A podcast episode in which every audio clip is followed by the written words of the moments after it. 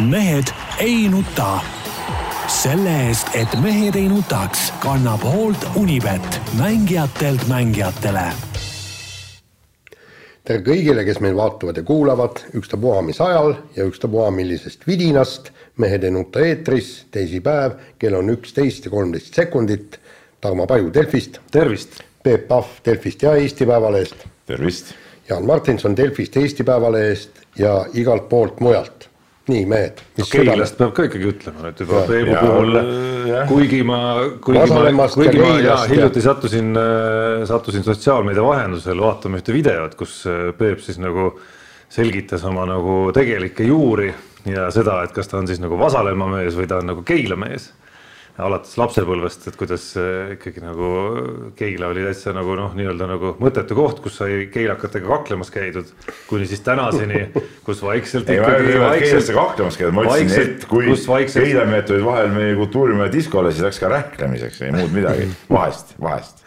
kus vaikselt ikkagi hakkab, hakkab selline linnastumine ikkagi Peebu peas ka toimuma., mitte mingil juhul, linna, ma ütlesin, kui sa vaatasid video lõpuni, siis ma ütlesin seal ju, et, et ikkagi Vasalemma on ikka õige värk, et noh, et ei ole see Keila on nagu tore koht, aga noh, ikkagi Vasalemma on ikkagi Vasalemma. nii on. Aga ütle, et aga miks su võistkonna nimi ei võiks olla siis Vasalemma, kuna mäletad, kunagi oli, ei, mis, mäletad ju, Maardu Levadia oli? Noh.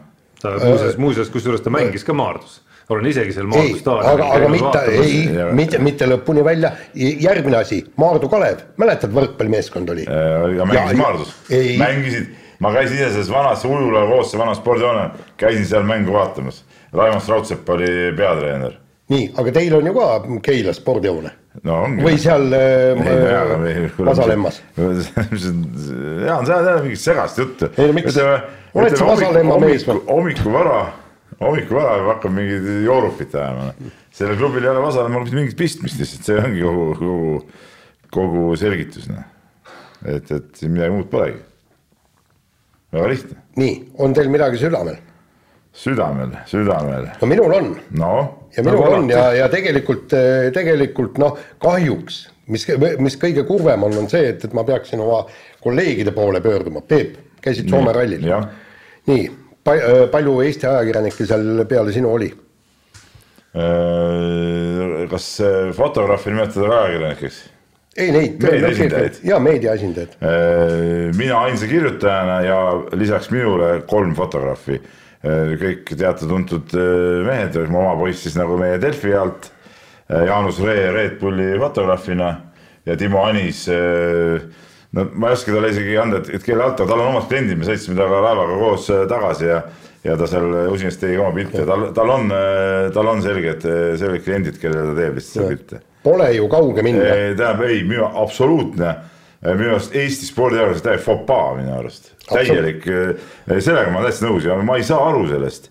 ma ei saanud juba sellest aru, kuidas isegi Rally Estonial oli Eesti ajakirjanduse esindatus, Nigel, meie esindus, ütleme Delfi Eesti Päevalehe ütleme meeskond Rally Estonial oli suurem kui kogu Eesti ülejäänud ajakirjanduse meeskond kokku. ja vaat me Jaani sinuga rääkisime ka, et, et kui kui kunagi hakkasid need suurvõistlused Eestisse tulema, olid need murdmaasuusatuse MK-etapid, no sa Tarmo olid ka ju, me olime terve õhtu üle sporditoimetusega olime kohal seal ju. kõigil oli midagi No teha. peaaegu. no ei no põhim-, põhimõtteliselt mäletad, akrediteeris kaheksakümmend aja, ajakirjanikku Eestist, olid kohal kõik maakonnalehed. kõik, kõik, kõik, kõik, kõik, kõik olid kohal. Ja- ja kaheksakümmend oli ilmselt mingi liialdus Ei no et ei olnud. ka need, kes tahtsid tasuta sisse saada, aga, aga ütleme, me ikkagi olime Õhtulehest olime ju väga suure esindustega kohal ja, ja kõigil oli seal midagi teha, kogu aeg mingi- mingid, mingeid lugusid tehti, räägiti kellegagi siis ei olnud veel ju online meediat ju. siis oli ainult ju paber, paberlehe teema. nii ja, ja, ja, ja aga kui nüüd vaadata, mis nüüd tänapäeval toimub, siis käisin ka laskesuusatamises, kus MK-etapp oli, eks ole, me siin Märdiga siin vahetasime üksteist seal. no ka seal oli hästi vähe ajakirjanikke kohal. kui nüüd võrrelda jälle omakorda Soomega näiteks sina tead seda ühte Soome ajakirja, kes on, on see eh, ke- Kesk-Soome mingi Jah. lehevend, mees käib kõik MM-etapid, see on põhimõtteliselt nagu, nagu Harju elu eh, või, või mis see Paides eh, Järvamaa teataja vend, kes kõik MM-etapid käiks, käiks läbi. ja põhimõtteliselt Sa- Saaremaa, Saaremaa leht Saaremaa leht, Paul tohib- Ott Tänak peaks, noh ütleme, kui sama võtta sama järe, süsteemi järgi, siis peaks käima kõik etapid. et, et seal oli, oli neid, on neid kohal ja käivad, tead noh. nii, aga see ei ole veel kõik.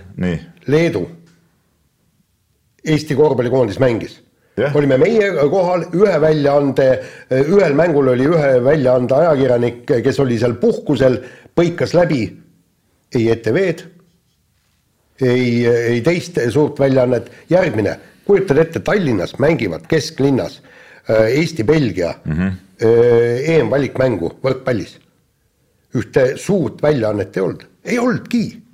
ei, ma ütlen, et Eesti spordiajakirjandus on selles suhtes on äh, totaalselt mandunud ikkagi, täie, täielik mandumine on toimunud ja, ja see on minu arust tekkinud kahjuks siin Tarmo võib öelda, et nüüd hakkad jälle rääkima mingit vanameeste juttu, aga tegelikult see on tekkinud uue, uue põlvkonna pealetulekuga, sest et need eh, uue põlvkonna ajakirjanikud ei armasta käia kohal, ei armasta inimestega kohtuda ja see, ma arvan, et see on sellest tulnud tegelikult. ja, ja kusjuures ma ei ole veel lõpetanud. ja nii jätka, ja, ja. orienteerumise Euroopa meistrivõistlused, mis on tegelikult on. no suur võistlus ikkagi. ta, ta on suur võistlus ja kui ja. See, sinna, seal sa näed ehedat sporti.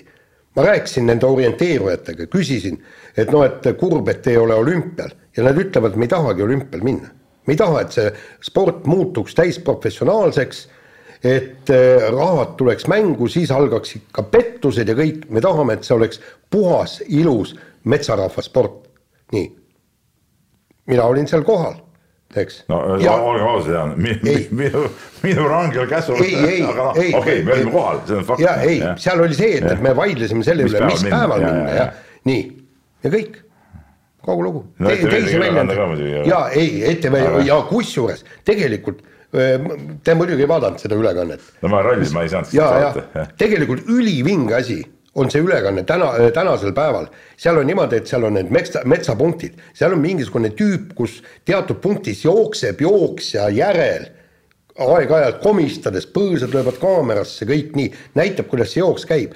ja mis on äh, eriti vinge, on see äh, GPS-i graafika. nojah, sa vaata jah, kus see on. ja, ja kusjuures seal oli niimoodi, läks niimoodi, et, et keegi kuskil tegi vea, eks. ja näiteks seal noh, nagu kolm sportlast, liidrid sõida, jooksevad ja siis ta, nad kerisid selle minut-kaks tagasi ja siis näitasid, kuskohast Äh, see viga tehti ja kuidas teise, teised selle raja läbisid. see oli, äh, tegelikult on see ülekanne on ülivinge ja see orienteerumine ise on ka nii, nii äge ja, ja, ja ääretult kahju mul, et, et me seda ei kajasta. ja, ma ütlen, et see, ei no see, ma veel kord tulen selle mandumise jutu juurde tagasi, et, ei ole mõnus on ju teha punkt üks, mingi tõlkelugu kuskilt väga kerge vaevaga, punkt kaks, võtta nende samade, kasvõi ütleme siin Eesti-Leedu või, või ralli kohta mingid välismaalt mingid laused viskad selle loo kokku ja, ja ongi kõik, eks ole, aga seda, aga seda, et tegelikult äh, nii-öelda tarbija või lugeja, vaataja äh, hindab nagu seda, kuidas ma ütlen, seda vahetut ehedust ka näitab kasvõi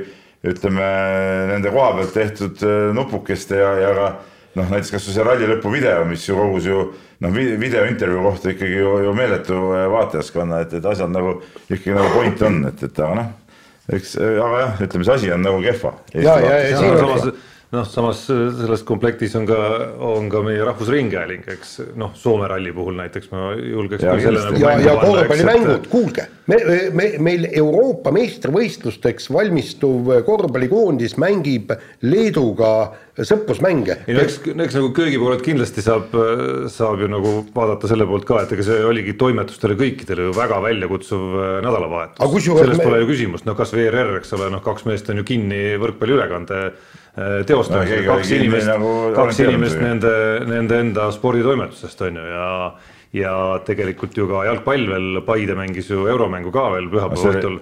ei, euromäng oli siiski neljapäeval uh,. ja, ja, ja, ja okei okay,, see, see minu, minu sassiminek, et, et, et see oli nagu väljakutsuv, triatlonid nagu kõik, kõik, kõik, kõik on ju, aga noh, see komplektina nagu see, et nagu kuskile ei jõudnud, on nagu imelik muidugi. jah. nii, aga rappimistund on nagu rapitud. nii, lähme kohe siis spordi juurde ja räägime, räägimegi siis äh, rallist ja Ott Tänakust, kes ülivinge sõiduga nagu äh, need äh, tõesti tuntud ralli ajakirjanikud kirjeldasid, tähendab, nad pole nii vinget sõitu veel ühegi rallisõitja jooksul oma eluajal näinud, kui no. sõitis Ott Tänak Soome ralli ja, ja näitas äh, Kalle Roandperele koha kätte. Ja siis mis oli, mis oli noh, minu jaoks natuke üllatav, kuigi, sest, sest me teadsime ju seda, seda ette, me oleme siin saates kordi ja kordi rääkinud, et kui Ott Tänakule anda samasugune auto ja sama hea auto kui Kalle Roandperele, siis läheb võitluseks. Ja nagu nüüd läkski. Ja, ja siis kirjutab seesama suur ajakirjanik see, et, et mida me nägime Soome rallil, nägime rallil, et Kalle Romantpera on löödav, võidetav, muidugi on võidetav. No sina ja oled muidugi väitnud kogu aeg, Kalle Romantpera võidab järgmised kakskümmend aastat järjest. okei okay,, see selleks, et äh, minu jaoks kõige huvitavam äh, küsimus on nüüd see, et, et mis on nagu soomlased on kahtlustanud, et Tänak ajas mingit äh, mulli, eks ole, et auto on kehva ja nii ja naa ma ei tea, ma ei taha seda hästi uskuda, et ma, ma arvan, et Tänaku jaoks see auto oligi ebamugav, sest ma rääkisin ka pärast ralli lõppu Martin Järveojaga, noh pikalt, pea veerand tundi seal jutustasime ja siis eh, tema ütles ka ikkagi, et see ebamugavustunnet oli autos nagu nagu väga palju ja. no seda ja, hindasid ka meie rallistuudio eksperdid, kes on vaieldamatult ju kõvad eksperdid, et noh, nad näevad ju sõidujoonest ja sellest. ja, aga nad näevad sellest auto käitumisest ja, ja kurvidest ja, ja, ja kõigest sellest näevad nad selle ju ära. aga noh, mees autos sees ütleb, et, et jah, see oli teistmoodi, et alles, alles ralli lõpus nagu natuke hakkasid sellega ära harjuma. et, et, et, et ma arvan, see oligi nii, et, et Tänak lihtsalt pidi kohendama oma seda stiili vastavalt sellele, mismoodi see auto noh, võimaldas nagu liikuda, aga see ei olnud kindlasti see, mida, mida Tänak tahaks saada ja nagu ta ütles ka pärast ähm, rallit, et et mujal sellise stiiliga ei ole nagu suurt midagi peale hakata jälle noh, et, et, et, et noh, soomlastel muidugi, eks soomlaste jaoks oli see üsna kibe ikkagi. Toyota ja soomlaste jaoks, et noh, see oli nagu noh, ütleme Soome ralli oli nende jaoks nagu broneeritud, noh, see oli nagu, no see oli kõige kindlam võit, mis üldse sai olla sel hooajal, noh ja sellest nad jäid ilma no.. aga minu jaoks oli kummaline just see, seesama Jari-Mati Latvala, kes, kes ütles, et meid veeti alt, et Ott Tänak hakkas. ninapidi. jaa, ninapidi, et ühesõnaga, et hakkas juba, hakkas juba testikatsel rääkima, et, et ei, et auto on kehv ja ta-ta-ta, kõik muud. samas Rally Estonia ajal, mi-, mi-, mida ta rääkis meie lehele? ta rääkis meie lehele, et Hyundai on kehv, tal ei ole tasakaalu, vaadake, kuidas selle auto tagaosa heidab ja et eh, ja Ott Tänak ei saa kasutada oma sujuvat sõidustiili ja peab sõitma agressiivselt, mis talle ei sobi. ja, ja, ja tead täpselt see, mida ta rääkis Rally Estonial, tuli ka välja ju ralli ajal. jah, ja, ja, ja nüüd ja, ja, ja nüüd ta järsku ütleb, et näed, et tegelikult oli umbes, et auto oli jube hea. aga lihtsalt. aga see oli Latvala meelest hea, sest Latvala ütles ise Tänakule et äh, talle meeldib see stiil, nagu Tänak äh, praegu sõidab. no see on tema enda see stiil, see sihuke, sihuke äh, plähmerdav ütleme sihuke. no kasutab ära kogu tee. kogu tee, sest ega Tänak sõidab äh, ju niimoodi tegelikult äh, noh, mul siin noh, poiss ja fotograaf, oskab nagu seda hinnata kuidas autod kurvist tulevad, ütled, et noh, Tänak kõige, kõige ebamugavam pildistajast, et noh, ta ei viska külge ette tihtipeale, et ta nagu tuleb täpselt läbi, tema pildid ei ole igavad alati tead noh, et kuidas just tavaliselt sõidab, eks ole, no nüüd tal ei ole muud varianti, nüüd ta pidi ka loopima seda autoga ja samas Latval oli alati sihuke mees, kes kogu aeg on loopis oma autot. okei okay,, aga mul on praegu praktiline küsimus sellesama ninapidi vedamise ja, ja selle temaatika kohta, et äh, oli siis äh, Toyota leer, kes ütles, et äh, meid nagu tillitati ära nii-öelda on ju, hakati rääkima, kui kehvad me oleme ja siis oli Ott Tänak, kes ütles, et Toyota mehed nagu alahindasid ja me suutsime selle ära kasutada. et mis see praktiline nagu siis hetk siis oli, no ralli esimesel päeval ilmselt siis või kas sai üldse midagi olla, mida sa siis nagu Toyota mehena või Kalle Rovanperana teed teistmoodi, kui sul on tunne, et Hyundai on jube kehv? ei, mitte midagi. Rovanpera ei saanud midagi, tema startis no. esikohalt tema äh, niigi tegelikult no, suutis vahe hoida võimalikult suhteliselt väikse, kakskümmend üks sekundit. selles mõttes on see ju nagu tühi jutt mõnes mõttes. no muidugi on tühi jutt. ei no kõik igalt poolt on sihuke noh, jutt, jutt jutuks hea, eks ole. et äh, just, et äh, Latvala käest oleks tahtnud küsida, et, et aga mida siis te oleksite pidanud teistpidi tegema, et kas Kalle Roandpere oleks pidanud gaasi rohkem suruma või mis asja, et kas ta võttis poole vinnaga kõike see, kõike seda asja ja, ja tegelikult. või, või, või ma ei tea, või et sa andsid tiimijuhina siis neljapäeva õhtul mingisuguse korralduse, et võtame rahulikult või? ei, ei, ei. noh, ei ole, ei ole ju. ei ole ja seal noh, tegelikult nad ju kõik seal proovisid ju noh, nii-öelda äh, näpistada seal äh, Tänakut, eks ole, noh. alguses Lappi ju oli ju väga heas konkurentsis, aga ei pidanud seda kiirust vastu ja seda oli ka natuke arvata, aga ta ei ole sel hooajal seda suutnud stabiilset kiirust hoida. no vähe on sõitnud ka. ja vähe on sõitnud, noh, Evans ka ei, ei tulnud välja asjad ja, ja lõpuks sõitis oma äh, rattaviltu alla, eks ole, ja tema laul oli sellega lauldud. ja, ja, ja Rompera punnitas küll, ega ta punnitas tegelikult ju ju kuni äh, selle äh, laupäeva õhtuni välja proovis ju seda vahet teha. ja, ja, ja veel esmaspäeva hommikulgi või pühapäeva hommikul. oligi see võtmekatse, see esimene kiiruskatse, seda ütles ju Latvala ka, et seal peab ründama, sealt peab saama paar sekki maha ja Tänak ütles ka, et ta, et ta lootis, et noh, kui ta enam-vähem nulli hoida, oleks juba hea, aga tegelikult Tänak pani selle võimsa sõidu tegelikult. ja, ja, ja minu meelest tegelikult Hyundai tegelik olemust näitab ju väga hästi see, et, et Thierry Neuville sai kahe minutiga Neuvill on kehv kiiretel teedel, aga ta ei ole nii kehv. jaa, aga ta ei ole nii kehv. jah, seda küll jah. jah, aga, aga no muidugi seal rallidel oli ju igasugust tsirkust, no oskad sa öelda, mida see Oliver Solberg mõtleb? et eh, nii lühikest rallit ei ole vist, no okei okay,, meil on olnud need, kes on testikatsel ennast kuhugi, eh, kuhugi eh, võssa sõitnud võserikku, aga päris rallil vist nii lühikest rallit ei olegi sõitjal olnud. esimeses kurvis sõidab nii võpsikusse, et turvapuur on nii-öelda kahjustatud ja peab ralli maha jätma, noh, pooleli jätma ja, ja selle peale öeldi, et lõpetage see projekt, las, las saatke ta Äh, selle WRC kaks autoga sõitma ja et, et äh, asjal ei ole enam mõtet. no äh, kõigepealt tervitan Jaani küsimuse eest, et mida see Oliver Solberg nagu mõtleb, et et kindlasti Oliver Solberg mõtles nii, et lähen nüüd starti ja pane esimeses kurvis välja.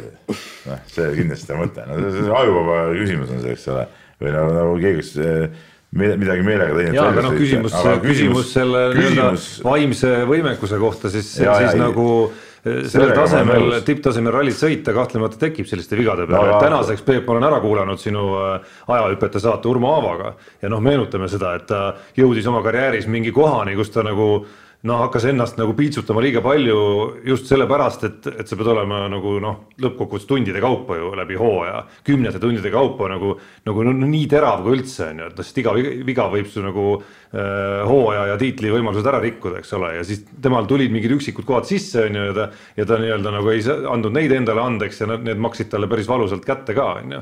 et kui sa veel nagu selliseid teed, no siis see on veel nagu veel nagu samm edasi ikkagi. aga ma nüüd tuletan meelde, et ega noh, neid äh, siukseid rallimehi, kelle kohta öeldakse, et äh, lõpetage see projekt ära ja saatke kuskile tagasi, noh ega meie enda Ott Tänak on ju täpselt samas seisus. aga saadetigi tagasi. saadetigi tagasi ja, ja, ja tuli uuesti üles sealt, et selles suhtes ja, ja on olnud ju siin, äh, kas see oli nüüd Formoov või Lube, kes eelmine hooaeg ka Just. saadeti ju, ju WRC auto pealt tagasi, sest ei suutnud ka nagu tee peal püsida.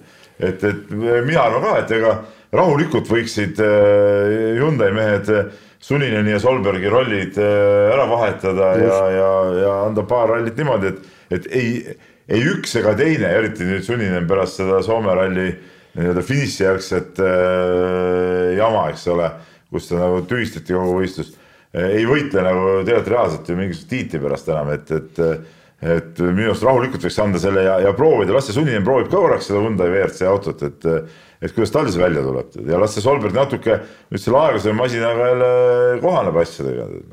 no Egon Kaurist ka tegi ju väga vinge sõidu. no ma, ma siin natuke oleks nagu tagasihoidlikum tegelikult, koht on muidugi vägev, noh kõik hooajal teist korda punkti peal, ta oli Rootsis ka kümnes, et nüüd on see hooaeg kaks WRC kaks, WRC sarja punkti ka saanud. aga WRC kaks sarjas no kolmas koht, okei okay,, pärast selle sunnini tõttu tõusis nagu teiseks aga, aga vaatame kaotust, et, et kaotust ikkagi selle puhta sõidu jagu kaotust oli, oli liiga palju ja, ja, ja kui ma temaga siin rääkisin ka, siis ta ise ütles ka, et noh, tegelikult üks eesmärk oli sõita puhtalt äh, ja tulla lõpuni, sest tal on olnud viimasel ajal ka hästi palju neid äh, siukseid äpardusi, eelmine aasta sõitis ju viis MM-rallit, millest neljal tal tuli ju tegelikult äh, sisse jama, eks ole. et, et sõita nüüd Rally Estonial oli nüüd see aasta sama asi et, et sõita nüüd kindla peale nagu lõpuni puhtalt ühe sõiduvea oli teinud, aga see ei maksnud väga kätte. aga, aga seejuures nüüd äh, oleks vaja sama puhta sõidu juures leida ka see kiirus. ja aga, aga Peep. et, et äh, oota, et kui nüüd, äh, nüüd ongi see küsimus, et kui nüüd ta tõstab selle kiiruse jälle tagasi, ütleme sellele tasemele, mis ta oli Rally Estonial, kus ta sai Sunineniga võrdselt ju kiirustesse võita praktiliselt et kas siis on võimalik ka nii puhtalt sõita, et see on nüüd see asi, mis tuleb kokku panna. ja aga Peep, vaata sinna nüüd autosid ka, tegelikult oli ju Hyundai kogu aeg hädas ja mille pärast tal just Sunileli andiski selle auto, eks nad olid täiustanud oma äh, Rally2 autot. Ja, ja noh, ja tunnistasid, et, et ei saadud siiamaani Škodale vastu. aga, aga nüüd siis lõpuks kombinatsioonis uus auto pluss Suninen suudeti siis Škoda üle sõita aga me räägime Egon Kauri puhul ja, ja Volkswagen, Volkswagenist, on ju, et, et selle muutuja peaks ka sinna. siis seda küll, aga sa saad ikkagi aru, et ajaliselt see kaotus mm. võib-olla oli natuke lii, suurem, kui oleks pidanud olema, et, et kiirust on igal juhul tarvis tagasi tõsta. Ja see, et, et, et see ei olnud nagu loomulik kaotus, sest Egon no sama Rally Estonial tõestas, et tegelikult ta sõidab, on võimeline sõitma nende samade tippudega täpselt ühes äh, sekundis ka. just, aga, aga no vot, siin nagu ta ise ka ütles, et, et liiga vähe on sõidetud. MM-rallit on need Soome meistrivõistluse etapid, et noh, Evani puhul on muidugi võtmeküsimus see, kas äh, see Soome sponsor äh, Raud, Raudio, Rautio või ma ei tea, kuidas seda hääldatakse, eks ole et, et kas see on nõus nagu jätkama temaga, noh, et, et sellest sõltub ju väga palju. Noh. jah, ja, ja, ja noh seda see on lootust, põhjus, miks ta läheb Soome meistrivõistluseni. jah, ja seda lootust, et nüüd eh, Eestist tuleks mingisugune suurem hulk sponsoreid või siis üks suur sponsor talle taha ja, ja, ja tõesti aitaks tal eh, sõita nii mõnegi MM-ralli, noh, seda tahaks loota, aga, aga noh, ei no see ei ole väga tõenäoline praegu. jaa, no et kui nüüd nagu veel ringiga hüpata veel Haagiga tagasi päris saate algusesse, et selle Ott Tänaku äh, tehtu nagu võlu natukene hinnata veel rohkem, eks ole, Roanpera tema enda kodus hooajal, kus, kus, kus ta nagu valitseb seda hooaega nagu ikkagi nagu noh, täiesti, täiesti ekstra klassist on ju. noh, siis eks me selle ajakirjanike ja toimetuste valikute juures jõuame ilmselt ka nagu selle natukene selle võlu juurde, juurde, et tabeliseis on, räägib väga selget keelt Ott Tänaku jaoks on ju. ja ma arvan, et see mängis ka mingit rolli, et lõpuks neid Eesti ajakirjanikke seal ka kohal oli nii vähe ja ma usun, et ka Eesti fännide kohalolekut mõjutas see ikkagi ja on mõjutanud mingil määral, et me oleme ka näinud eelmiste rallide, eelmise hooaja teise poole rallide pealt ka nagu noh, tegelikult ralli lugude loetavuse puhul, et see, et seal on, et see ei ole nagu sellel tasemel, mis siis, kui Ott oli päris, päris ikkagi nagu tiitlikonkurentsis on ju. et noh, need faktorid maksid siis ka siis ütleme siis neid valikuid teinutele, kes kohale ei tulnud, maksid nagu kätte, on ju. ja, seda, see, ja oli seda magusam ja oli seda magusam Ott Tänaku jaoks. kui äh, näiteks mõni kergejõustiklane, Maicel Uibo või, või läheb MM-hõbeda peale välja, noh siis ei ole mõtet aega kohale minna. ei, ma ei õigusta nagu seda, ma räägin lihtsalt seda, nagu ma lihtsalt räägin seda mõttemehhanismi, mis ma arvan, aitas kaasa sellele, eh, mis, mis peegeldas ka sellist üleüldist meelsust, kus noh, kõik on ju sellel rallihooajal selge juba, mis seal enam umbes on ju. saate teemasid kokku pannes ma siis eh, võtsin läinud nädalal loetavamad lood, eks, et selle ja, ei, panna. ja, ja, ja seal, seal ei olnud, tähendab, ütleme niimoodi, et, et see rallilugude loetavus, vaatamata sellele, et Ott Tänak ei ole ole tiitlikonkurentsis, on sedavõrd jõuliselt üle kõikidest teistest, et me, me ei saa mitte minna öö, vähemalt Soome rallile, eks. Jah, nii on, nii. no vot, vahetame teemat, läheme korvpalli juurde, Eesti korvpallikoondis pidas pidas siis EM-finaalturniiriks valmistumisperioodil oma esimesed kaks kontrollkohtumist Leedus Äh, Leedu korvpallikoondisega ja kaotas siis äh, esimese neist seitsekümmend, kaheksakümmend neli ja teise neist äh, kaheksakümmend kaheksa, üheksakümmend. mis me siis selgemaks saime? no mina nägin esimest mängu ja eile jõudsin ära vaadata teise mängu esimese poole ja ma tunnistan ausalt, ma olin lihtsalt sellest rallinädalast nii väsinud, et ma lihtsalt jäin eile totaalselt seal selle esimese poole järelvaatamise mitu korda tukkuma. et sa, sul, ütleme, sul on äh, hea alustada siis sellisest äh, klaas pooltühi liinist, sest sul jäi see positiivsem, kõige positiivsem poolaeg äh, neljast poolest nägemata. küll ma nagu ei saanud selle, meil oli sinuga eile üks jutuajamine ühe mängija kohta. ma selle esimese seti kohta küll aru ei saanud, et see asi nii halb oleks olnud, nagu sa väitsid, aga noh see selleks. sihuke mõistujutt meil. ja väike mõistujutt jah, aga ma nägin esimest mängu, ma nägin sellest äh, algusest lõpuni ja, ja no ega siin praegu on väga raske järeldusi teha, et ega see äh, noh, kuna meil, eks ole, põhitsentrit ei osalenud nendes mängudes, siis see mäng ise on ka sihuke kuidagi nagu ikkagi teistsugune natuke, et meil see põhi nii-öelda juurikesed korvijad on puudu ja ja ütleme, see esimene mäng küll väga lootustandev ei olnud see, et lõpuks see vahe jäi seal mis ta oli, kaksteist või neliteist, see nagu ei, ei näidanud, et see reaalne vahe oli ikkagi väga suur esimeses mängus.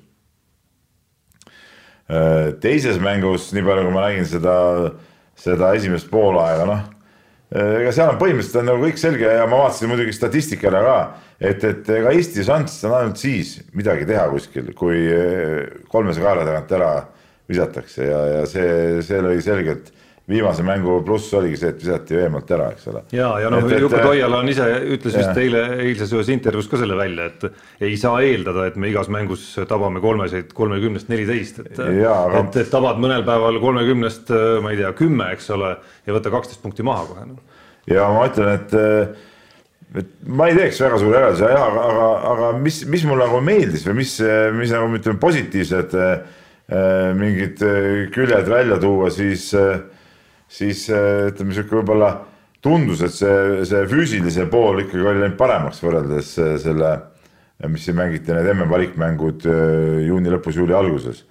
et, et vahepeal ikkagi mingid tööd on tehtud, et samas need mingid haigused seal puresid ja ja noh, nagu ma ütlen, nagu tervikmängulist selget pilti ei saanud, no kahjuks kui Gerg Riisa mängis ainult ühe mängu, et, et noh, teda oli võib-olla kõige huvitavam vaadata, sest teda polnud nagu üldse näinud. noh keeruliisa, no keeruliisa ikka õnneks, et või õnneks või kahjuks ma ei oskagi ütelda, aga, aga, aga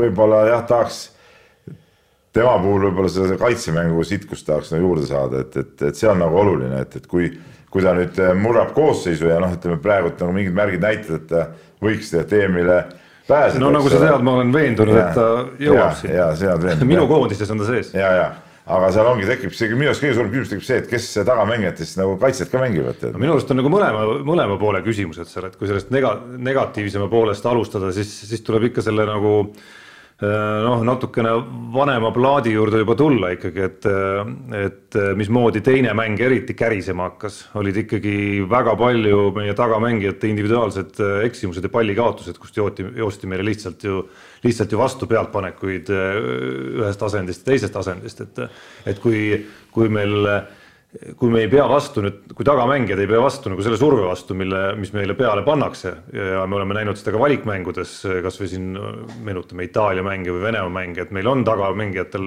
natuke raske selliste nagu väga agressiivsete kaitsjate vastu, siis võib kindel olla, et finaalturniiril tuleb tuleb see, no meenutame seda Riiat, eks ole, et noh, seal tullakse nagu ikkagi nagu esimesest sekundist ja, ja ilmselt neljakümnenda minuti lõpuni välja nagu samasuguse survega, on ju.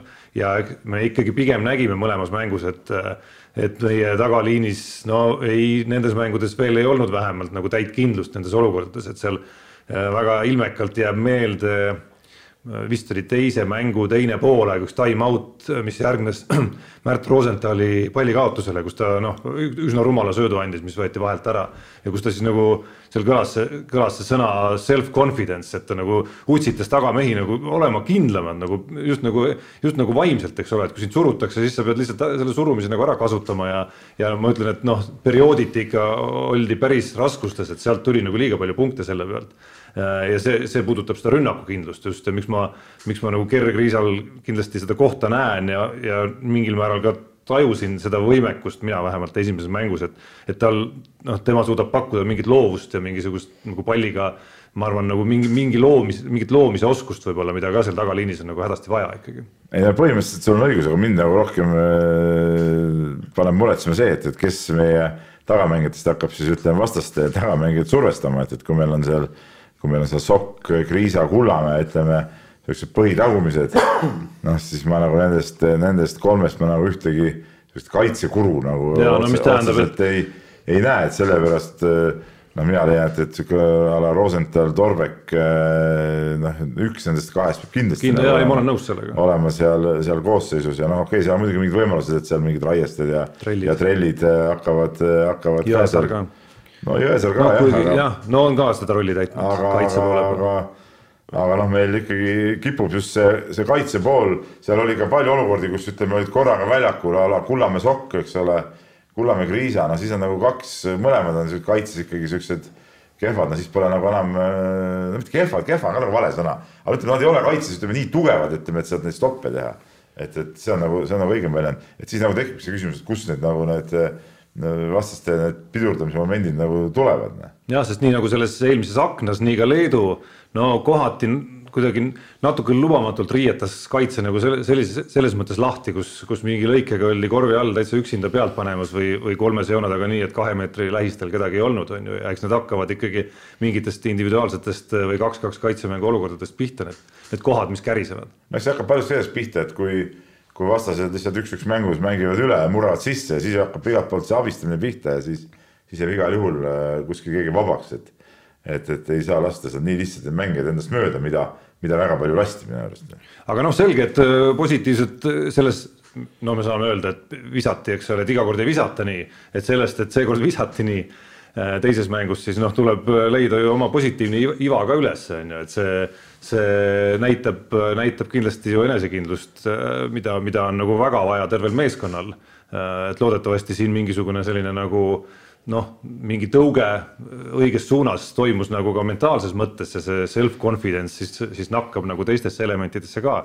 ja nagu veel positiivselt mainida, siis, siis ma ikkagi Mattias Tassi nime ütleksin ka nagu välja, et minu ootused tema suhtes on ülikooli korvpalli pealt ilma teda väga palju nägemata seal olnud suhteliselt kõrged ja minu arust ta, ta näitas, et need on olnud nagu õigustatult kõrged ma arvan, et ta mängis ennast kaheteist hulka nende mängudega. ei, ei, tass äh, tervikuna oli muidugi, aga seal tal on ikka teatud niisugused nüansid nagu, mis, äh, mis noh, ütleme, saavad nagu miinuseks natuke kõik see korvialune, see lauavõitlusmomendid ja, ja mingid kaitsemomendid, kus nagu väga, väga lihtsalt nagu jälle mängiti nagu üle, et, et, et, et see pool on jälle see, mis jah, rünnakul neid asju seal tõstis ära ja, ja tegi ja toimetas, ei kindlasti ma arvan, usun ka, et ta on, tema on küll mees, kes, kes kindlasti koosseisu kuulub, aga aga, aga ütleme, parandamisruumi on seal, seal päris palju neil kõigil ikkagi.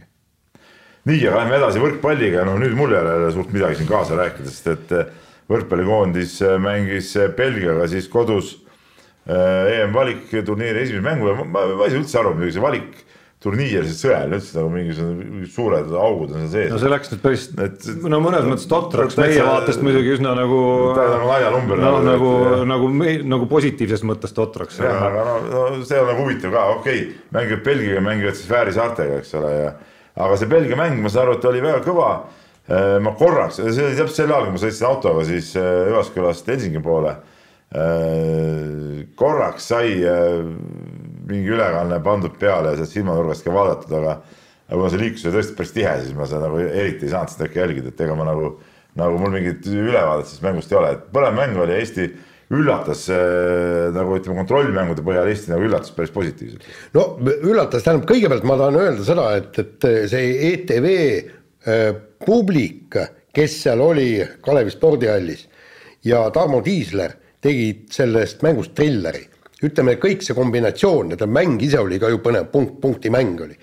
Äh, mängijate emotsioonid ja kogu see stsenaarium äh, andis ikka niimoodi, et, et tõesti, äh, sa jääd seda teleekraanil vaatama, sa ja, ja sul on tunne, et, et toimub midagi erakordselt suurt ja kusjuures, mida ma stsenaariumi puhul Äh, just mõtlesin, et, et kuidas need punktid tulid, võta või selle, sa vaatasid, Tarmo, selle mängu? ma vaatasin järelvaatamises, aga mm., aga mitte nagu, mitte nagu minut minutilt. nii, äh, näiteks neljanda game'i äh, viimane punkt, kui pannakse sulle niisugune plokk ette, eks ju, et meie mehed panevad niisuguse ploki ette, et pall kukub vastasele varba peale ja sealt on emotsioonid, kui mängijad seal röögivad ja kõik see. et oleks see punkt tulnud niimoodi, et vastane lööb out'i, et see ei olnud, ei olnud niisugune emotsioon. aga mis mind äh, nagu just kõige enam imestama panin, ma vaatan neid mängijaid, no enamus mängijaid tundsin ja Eesti liigast ja, ja kõik ja siis äh, oli järsku tempos oli keegi varblane, kellest ma ausalt öeldes tõesti noh, väga ei olnud midagi kuulnud. eile siis rääkisin meie noore reporteriga, kes mängu käis kajastamas ja ütlesin, kui need välja jäänud mehed platsi ühele poole panna ja praegune koondis teisele poole panna, et kumb siis võidab. ja loomulikult välja jäänud mehed, eks, et ei no loomulikult, see on ka jälle sihuke. ei no võta, võta täht, paneme Toobali talle sidemängijaks, oota Teppanit vist ka ei olnud, eks, Teppanit Kreek. ei olnud, Kreek, no, no seal on neid, neid mängijaid ju terve posu. et selle. Juhkami.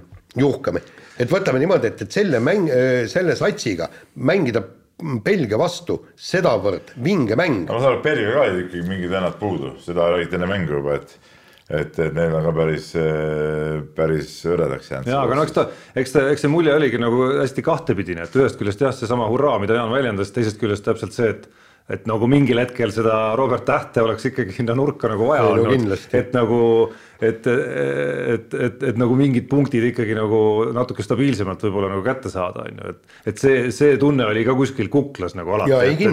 Et seal need noh, sinu jaoks mõnigi tundmatu mees ja ja, ja just nagu nii-öelda nagu siis äh, uus generatsioon, kes on tulnud, et, et vahel jäi ka mulje ja see hurraa oli nii suur sellepärast, et, et see, et ta, et ta niimoodi lõi, on ju, oli, tundus nagu selline nagu tohutu eneseületus, on ju.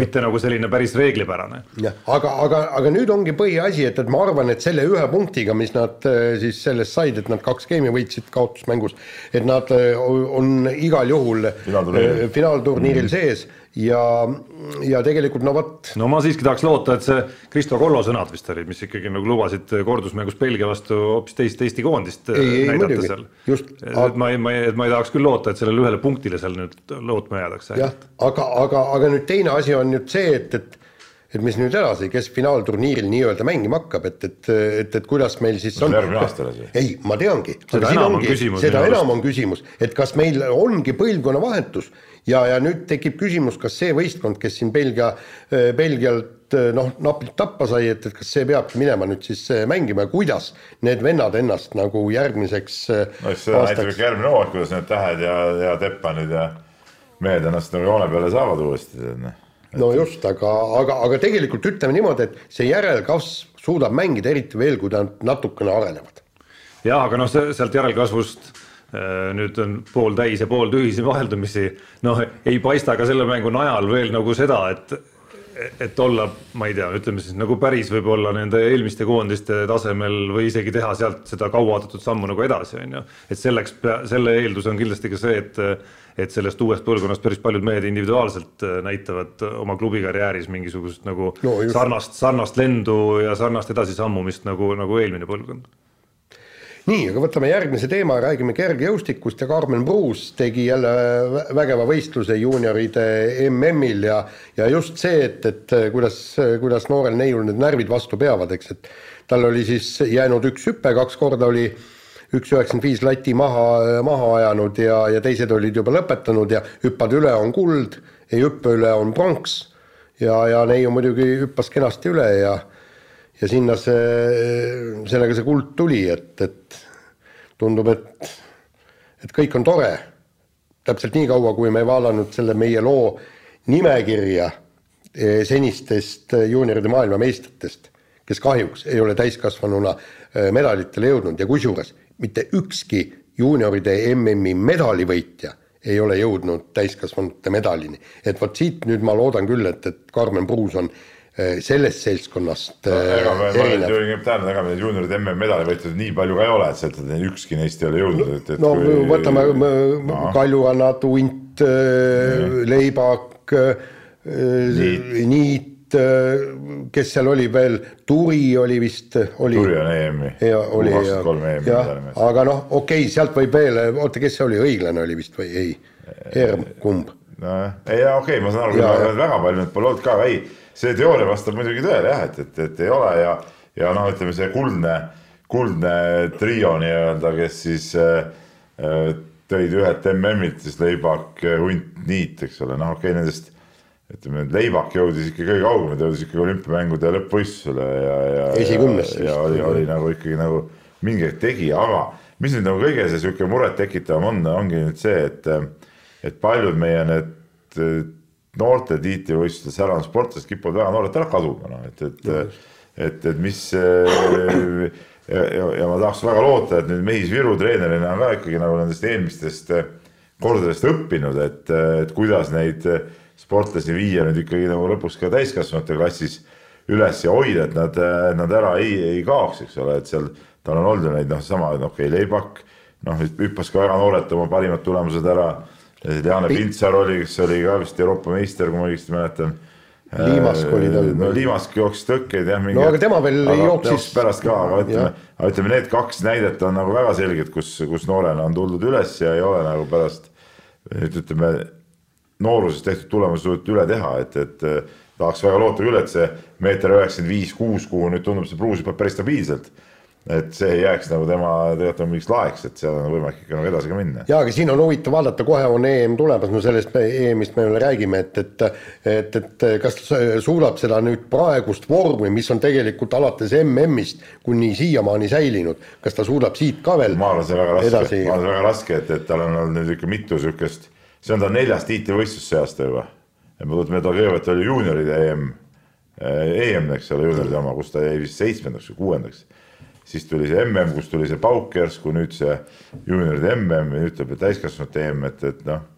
see oleks nagu jälle nagu mingi imede ime, kui ta suudaks veel kord seda pauku seal ka nagu välja tuua. no kui sul on üks. ma arvan, meil ei ole nagu mõtet nagu, nagu mingeid hirmsaid ootusi siin nüüd lakka ajada, et pigem, pigem võtta nagu rahulikult ja et jumala eest ei tuleks seal mingeid pettumusnoote, kui nüüd seal ei tule samasugust tulemust. Ja aga no tähendab, kui sul on praegusel hetkel ikka üheksakümmend viis, üheksakümmend kuus, üks üheksakümmend viis, üks üheksakümmend kuus on jala sees, eks ja ja kui ta saab nüüd äh, kena puhkepausi ja siis veel natukene siin mingisuguse paari päevaga veidikene teravust nii-öelda säilitada. tagasisõit venis ühe päeva võrra pikemaks, eile õhtul pidid jõudma, jäädi Pariisis lennukist maha, tullakse alles täna õhtul, no juba see ja aega on nii vähe, et EM on juba järgmine nädal, eks ole, et, et, et seal iga päev on ju tegelikult arvel, et ega see väga hea variant ei ole muidugi. ja aga ütleme niimoodi, et ta on, ta on juba sellel aastal teinud rohkem, kui temalt loodeti, oodati ja kõik, nii et, et võtku neiu rahulikult asja. no kas see, ma ei tea, kas keegi on uurinud, kas see eurooplaste kolmik, kes MM-il olid temast eespool, kas see on kõik EM-il kohal või ei ole, on ju, et kui me nüüd nagu noh, nagu medalit vaatame, noh siis nende selle kolmiku tase vähemalt noh, on ikkagi selline, et,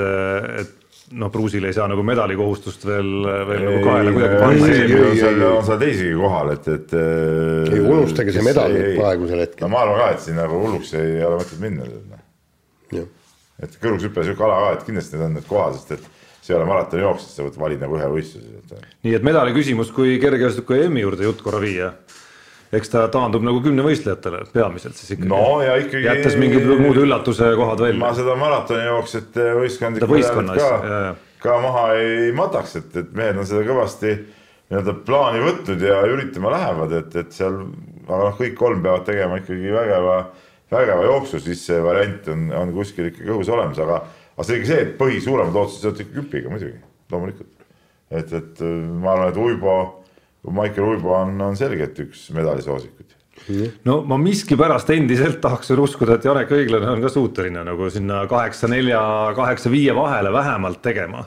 et, et kuidagi jõle palju äpardusi oli selles MM-i võistluses ka enne, kui see võistlus pooleli jäi. ja, ja küsimus selles, kuidas ta see nüüd see jalg ja asjad ka on, eks ole noh aga muidugi noh, kurb on, kurb on osaliselt see, et, et äh, algab kohe kümne võistlusega, et, et see nii-öelda EM-i kulminatsioon on kahe esimese päevaga no, maratoni jaoks ka esimese päeva. no just täpselt, noh et, et, et ütleme kahe esimese päevaga kulminatsioon ära ja siis jääb veel oodata pärast lõpuks äh, Pruusi kõrgushüppe ongi, et eelvõistlus oli kas reedel ja finaal pühapäeval või finaal igal juhul pühapäeval, aga eelvõistluspäev, võin ka eksida nii, aga selle saateosa lõpetuseks äh, törtsu jalgpalli ka, ehk siis äh, Paide linnameeskond sai neljapäeval siis Brüsseli Anderlehti vastu esimeses mängus äh, kaotuse null kaks.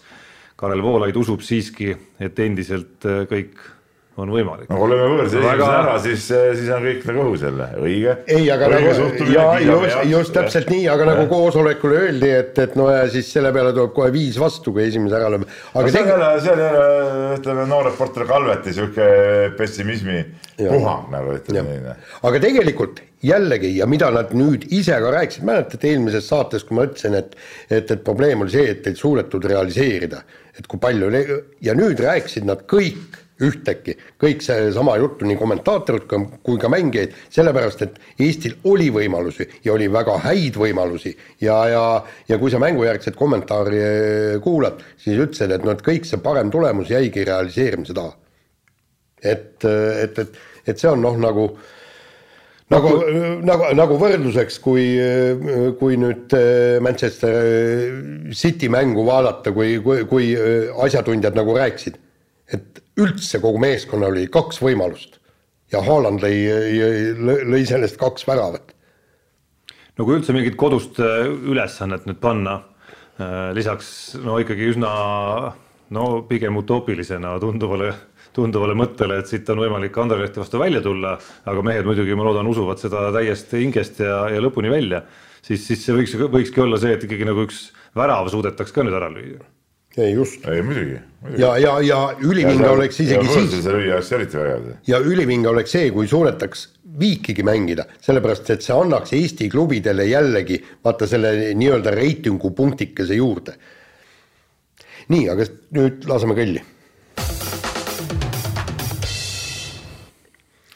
jätkame kiire vahemänguga ja noh, siit väike kiidunurk, Eveli Kaasiku võitis kodusel orienteerumise EM-il eestlaste läbi aegade kõige kirkama medali ehk siis hõbeda, meil on enne mehed võitnud äh, nii MM-il kui EM-il äh, ühe pronksi ja, ja tegelikult see, see emotsioon, mm, mis seal oli, aga oli pärast teatevõistlust, oli, oli ikka niivõrd ehe, et et eh, noh, nii on praegu kakskümmend kaheksa, et siit võib veel edasi, edasi kõvasti tulla, et, et lõpuks on tal närvid korras, et nagu räägiti, et on häid jookse teinud kogu aeg, aga MK-etappidel siin tiitlivõistlustel ja ta ise tunnistas ka, et et, et eh, närvi, närvid on läbi läinud ja on teinud Äh, mõne suure vea.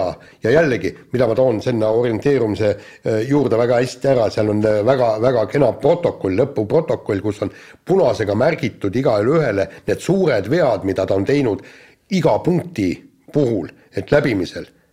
ja kusjuures mitte ühtegi teist jooksjat ei olnud, kellel oleks see punane kastike seal olnud, ainult üks, Eveli Kaasiku, mitte ühtegi suurt viga et, et noh, ütleme niimoodi, orienteerumisrahvale pakkus see medal ikkagi täielikku naudingut. aga see oli ikkagi nagu natuke pauk luuavarrest ka, et kui sa nagu uurisid et, et mis, mis võimalused seal kõige rohkem meil on, siis, siis ütleme, seda naiste jooksumedali võimalust väga palju sul vist välja toodud. ei toodud ja põhjusel just see, öeldi, et jah, Eveli Kaasik on näiteks jooksukiiruselt maailma tippudega äh, üsna võrdne, ta, ta kuulub sinna tippklassi. aga kõik tiitlivõistlused on ta siiamaani ära väristanud. Ja, ja noh, arvati, et noh, naised ei muutu, aga, aga sellist no,, sellised arvamused olid siis. Ja no ta ise rääkis ju väga huvitavalt intervjuus, kuidas, kuidas väikene nagu õnnefaktor oli ka juures. aga kas naised muutuvad muidu? et äh, õnnefaktor, mis siis aitas, aitas kuidagimoodi no ainult paremaks loomulikult. Yeah küpsemaks. no paremaks, ütleme niimoodi siis, et, et ehk siis kellegi nii-öelda no mitte päris tuulde, aga noh, mingi selline väike nagu selline visuaalne abi oli seal ikkagi ees. ja ei no aga see noh, seda ikka ja alati on, aga seal, seal ma ütlen, et see, see võistlus, võistlus on ääretult, ääretult huvitav ja põnev, et, et seal, seal sa pead, et iga, sa ei tea, kus kohas, jutt käis teatevõistlusest, aga sa ei tea, kuhu ja kuidas nad jooksevad ja seal oli veel jällegi noh ma läksin sinna, no kui ise oled orienteerumise te tegelenud kunagi ammu, mingid neljapäevikud jooksnud ja kõik, ja siis lähed sinna ja siis sa saad mõne spetsialisti, ma seal Leho Aldnaga hästi pikalt rääkisin ja, ja siis ja, ja siis äh, Vana Sillaga ja, ja kõik niimoodi ja kõik sa uurid seda kõike. et, et see, see, see ala on ikka väga vinge, et noh, et lõpus, kui need haju, hajutuspunktid ja värgid ja noh, ühesõnaga okei okay,, siin läheb liiga tehniliseks, aga, aga orienteerumine on äge. et, et, et ma arvan, et, et orienteerumisliit peaks noored äh, spordiajakirjanikud ükskord võtma ja, ja, ja tegema neile läbi orienteerumiskursused ja laskma nad mõnel neljapäevakul rajale ja ise selle kompassiga ja kaardi järgi minna ja orienteeruda, vaadata, siis nad saavad aru, kui äge see ala, ala on. Aga spordi- ja tenniserahvast hoidis eelmisel nädalal äh, elevil Kaia Kanepi, kes oli lähedal oma äh, mis ta oli viiendale WTA turniiri võidule, see jäi siiski tulemata, kui, kui finaali lõpetas Kanepi kaotusega, aga, aga pakkus äh, võidu asemele siis ikkagi, ma arvan, ühe tsitaadi võistluse järel, mis läheb, läheb ikkagi nagu varasalva, ehk siis äh, parem kaotada finaalis kui esimeses ringis. No,. sada protsenti sada protsenti, kusjuures kogus kenasti punkte, kogus kenasti raha, mingi üheksateist tuhat dollarit sai, miinusmaksud, punktidega tõuseb jälle edetabelis edasi ja oota, kus? auhinnafond on kakssada viiskümmend, kus teine koht saab nii vähe või? jah, no ütleme niimoodi, et praegu on selle seoses koroona ja selle järgsega on need summad natuke vähemaks tõmmanud, aga no kuule, üheksateist tuhat. ei no abiks ikka. abiks ikka nädalase mängu eest ja, ja kusjuures muide huvitav oli see, et, et eile ma hakkasin täiesti inimestega, kellest nagu ei oskagi spordihuvi no meie toimetuses, kellest ei oskagi spordihuvi nagu leida ja, ja nad imetlevad seda Kaia Kanepit ja küsivad, et, et kuulge, kas üldse nii vanasid äh, mängijaid teisi tuuril on? no tähendab, äh, seal mõni üksik on, eks, ja küsitakse, et kuulge, et kui kaua see Kanepi veel sel tasemel jätkab? Ja pange tähele, vaadake seda, seda tema nii-öelda eh, keha ülesehitust, tal on ikkagi noh, nii trimmis ja treenitud pole ta vist kunagi see on, see on huvitav, kuidas üks sportlane on nagu läbi aja arenenud, et noh, tegelikult ütleme, see füüsilise pool oli ju ütleme tema sportlastee siukses esimeses osas oli ikkagi üks siukse murekohti, noh, et ta ei saanud nagu füüsiliselt ennast kuidagi, kuidagi nagu vormi, aga, aga nüüd on jälle vastupidi nagu ikkagi no super, noh, väga super, noh. ja, ja nüüd vaatame, nüüd on Toronto turniiri läheb kõik äh, US Openini välja ja kusjuures, mis selle finaalmängu kaotuse kohta tuleb öelda, et vastane oli ikkagi, ikkagi noh, ta mängis üle mõistuse hästi, isegi enda kohta hästi, kui, kui inimene lööb praktiliselt kõik esimesed servid sisse sealt midagi ja sealt on isegi ime, et, et see Kanep selle seti võitis ja mina muidugi kaotasin raha, ma panin ka, Kanepile panuse. noh, sinu puhul on see tavaline. ahah, räägib siin, räägib siin pidev võidumees, ma Jah. saan aru. ahah, no sellest saame siis äh, saate, peatses osas äh, üsna hästi kuulda, ma jäin siin maailma naiste edetabeli esisada scroll ima natukene siin taustal ja no jah, no ei, päris kolmekümne seitsmest ei leia ikka siit jah, kolmekümne neljaseid on küll täitsa olemas. et ikka väga erandlik nähtus. no Vilja, Vilja, Williamsil on vist vanemad, aga, aga nemad. Williams sai täna sinna... esimese võidu sel aastal no just jah, oli uudis, ma nägin. Aga nii, aga lähme vist edasi, lähme triatloni juurde ja, ja no oli, oli äh, vägev võistlus siin Tallinnas, aga, aga üks sihuke väike tõrvatilk äh, potsatas ka meie potti, kui siis äh, tuli välja, et äh, esijooksus esimesed kolm meest valisid äh, vale tee, kuna tuul oli siis õiget teeviidad äh, minema, minema pühkinud ja, ja, ja korraldajad keetsid küll, ütlesid noh, umbes oma viga, et, et rada valesti lugesid, et saatemees, kes rattaga kaasas on seal, et see ei pea neile nagu Isegi ei midagi, ei tohi neile midagi nagu ette ütelda, mis on nagu totrus. no nad alguses kehitasid nagu, kuidas õlgu. kehitasid õlgu natukene rohkem, eks ole, et see esimene sõnum, mis korraldajatelt tuli meie enda loo jaoks, oli selline noh, selline üsna diplomaatia, diploma-, diplomaatia kõrgtase ikkagi, kus siis nagu natukene no võeti vastutust enda peale, aga päris palju lükati seda ka sportlaste enda peale, eks. Et kui ma nüüd täna lugesin ka Ain-Alar Johansoni vabamas vormis antud äh, lauseid Postimehest, siis siis seda enesekriitikat oli seal natukene nagu rohkem, noh tõsi, kui see tuul selle noole juba ära viib, eks noh, siis nüüd on huvitav õppetund, et mismoodi seda siis äh, vältida tulevikus. ma saan aru, et see suuna näitamise nagu teema, see on lihtsalt nagu reeglid, tuleb triatloni reeglitest, eks, kuigi ma ei saa päris täpselt aru, miks. ei no jaa, ma ütlen, et. Ei no see on selle, et, et sa, et sa ei saaks kellegi tuules olla, see on ei see okei okay,, seda saab ju vältida, sa saad ju distantsi ei, aga vahele. te, teine asi, ta rääk, rääkis seal, et, et noh, et, et siis me peaksime kakskümmend kilomeetrit ae- aedu panema ja, ja et, et see nii palju aedu üldse Eestis ei ole. ei ole vaja aedu panna, aitab sellest politsei lindi tõmbad. no muidugi, ei, no see, no see on ebareaalne, ega siis, mis see on see orienteerumisvõistlus või, või, või triatlon, ma ei saa aru. ja, ja, ja eriti Nad on mingi, on mingi poolsodid, seal nad on mingi aru enam, kus nad on, kes nad on, miks nad seal rajal on ja siis nad peavad veel vaatama mingeid olematuid silte, no see on ebareaalne ju noh. ja, teine asi, et, et ma saaksin aru, et, et tee läheb edasi ja tagasi, on ju, eks, et seal võib-olla väga ära ei eksi, eks, aga kui Tallinna vanalinnas hakata nüüd tiirutama mingit neljakilomeetrise ringi seal kuskil tegema, no vabandage väga, isegi eksiks ära ju.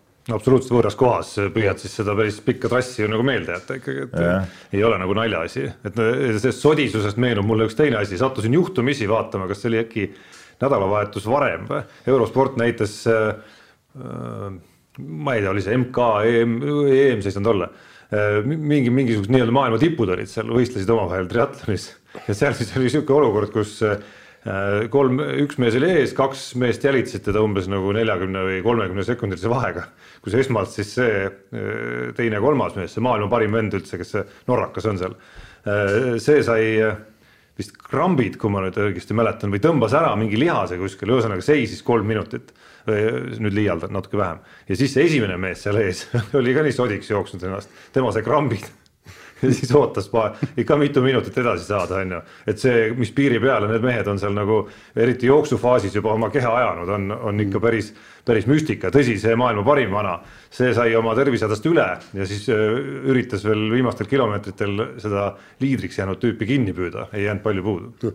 ja kusjuures parima selle nii-öelda triatloni loo rääkis mulle Raio Piiraja, kui ta tegi elu esimest triatloni, noh, üldse süüvimata, et, et mis mis seal toimub, selle ala spetsiifik on ja, ja ütles, et kui ratta seljast maha tuled, eks, kõige hullem ongi hakata jooksma, sellepärast et ühed lisa, lihased on väsinud ja siis noh, paned teised lihased tööle, ütles niimoodi, et kui ta natukene jooksis, siis tõmbasid jalad niivõrd krampi, et ta lihtsalt kukkus pikali siis roomas kuidagi mingi tänavaposti juurde, ronis mööda posti niimoodi üles ja siis postist kinni hoides kümme minutit ootas ja siis läksid need krambid ja kõik üle ja siis sai jooksu edasi jätkata vot niisugune ala on triatlon. see on, see on raju jah. ja no mis sujuva üleminekuna on ka väga sobiv ja, ja ühtlasi meenutab mulle eile õhtust Ringvaate intervjuud Nele-Liis Vaiksooga, kes siis selle poolpika triatloni tegi, oli üks nendest hea eeskuju saadikutest, keda siin Ain-Alar Johanson ja kompanii on väga kiiduväärsel moel ikkagi eh, selle triatloni buumi tekitamiseks kasutanud, et, et rääkis ka, kuidas ta tuli esimest korda elus ujus esiteks sellise distantsi ära, mida on seal siis, mis ta on, üks koma kaheksa või? jah Äh, siis tuli veest välja ja avastas, et säärelihased esimest korda elus on ka krampi läinud ujumisega.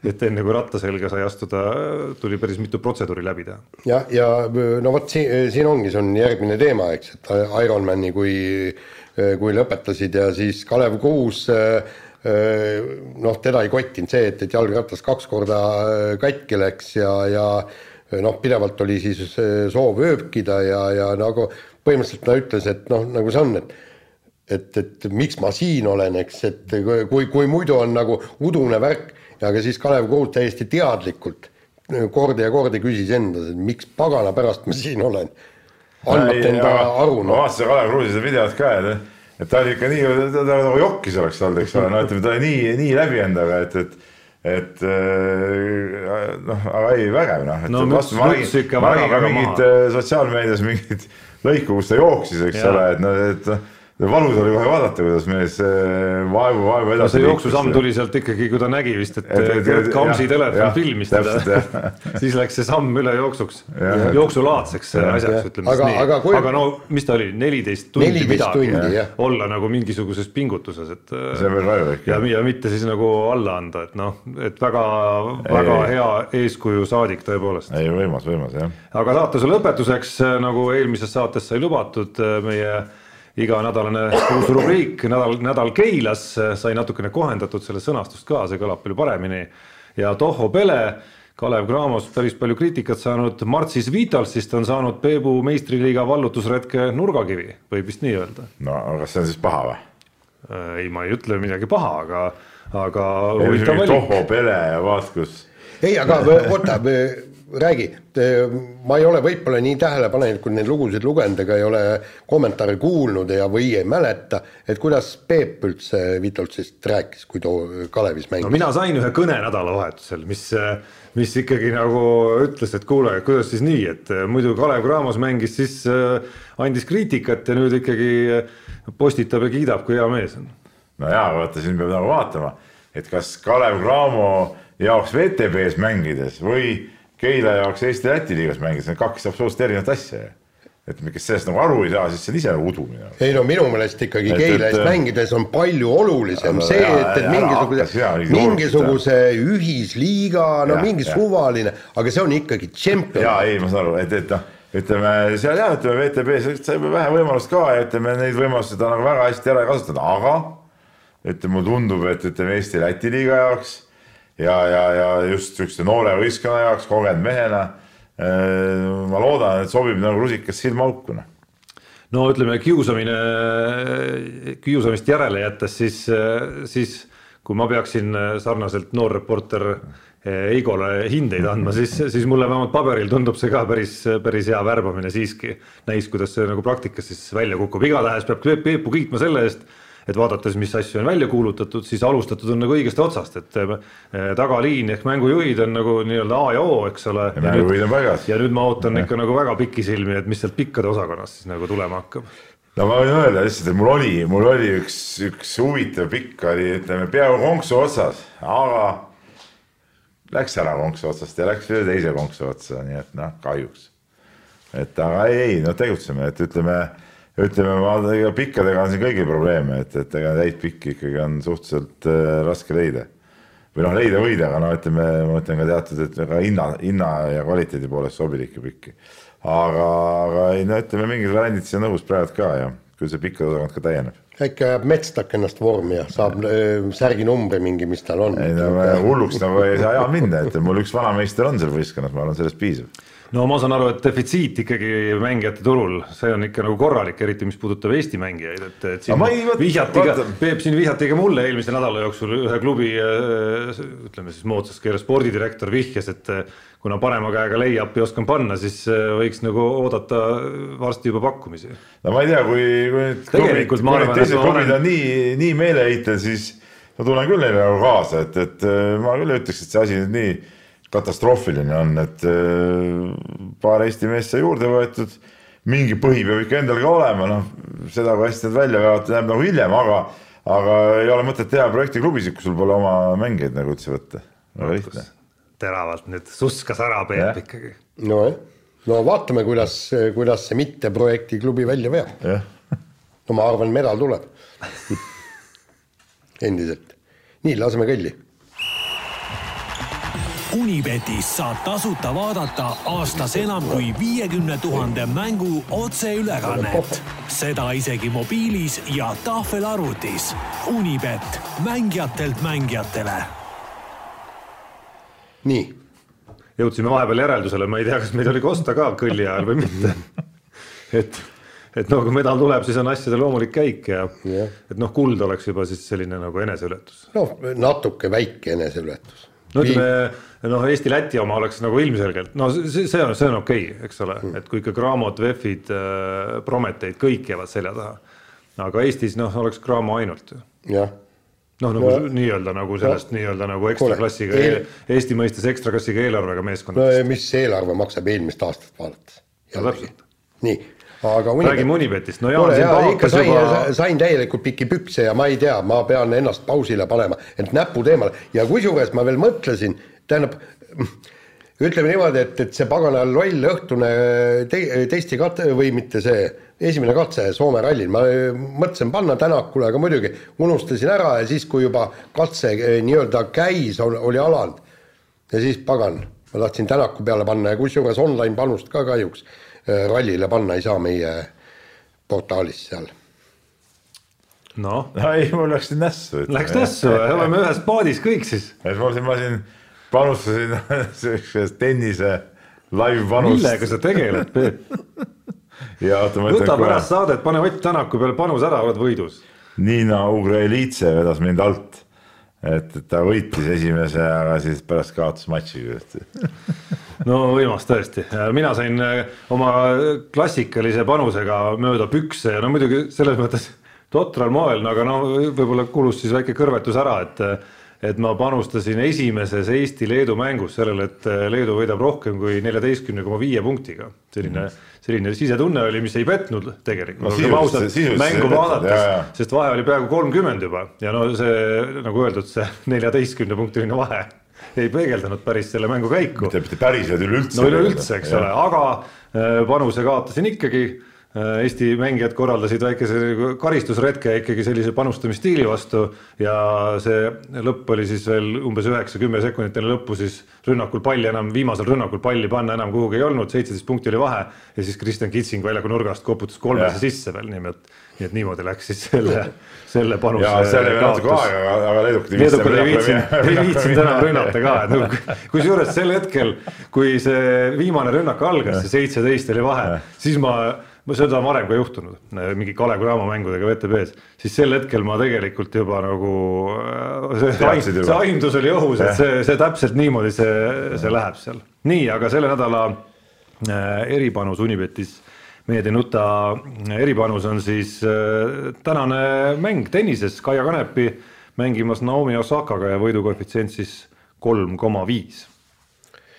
keeruline, aga võimalik.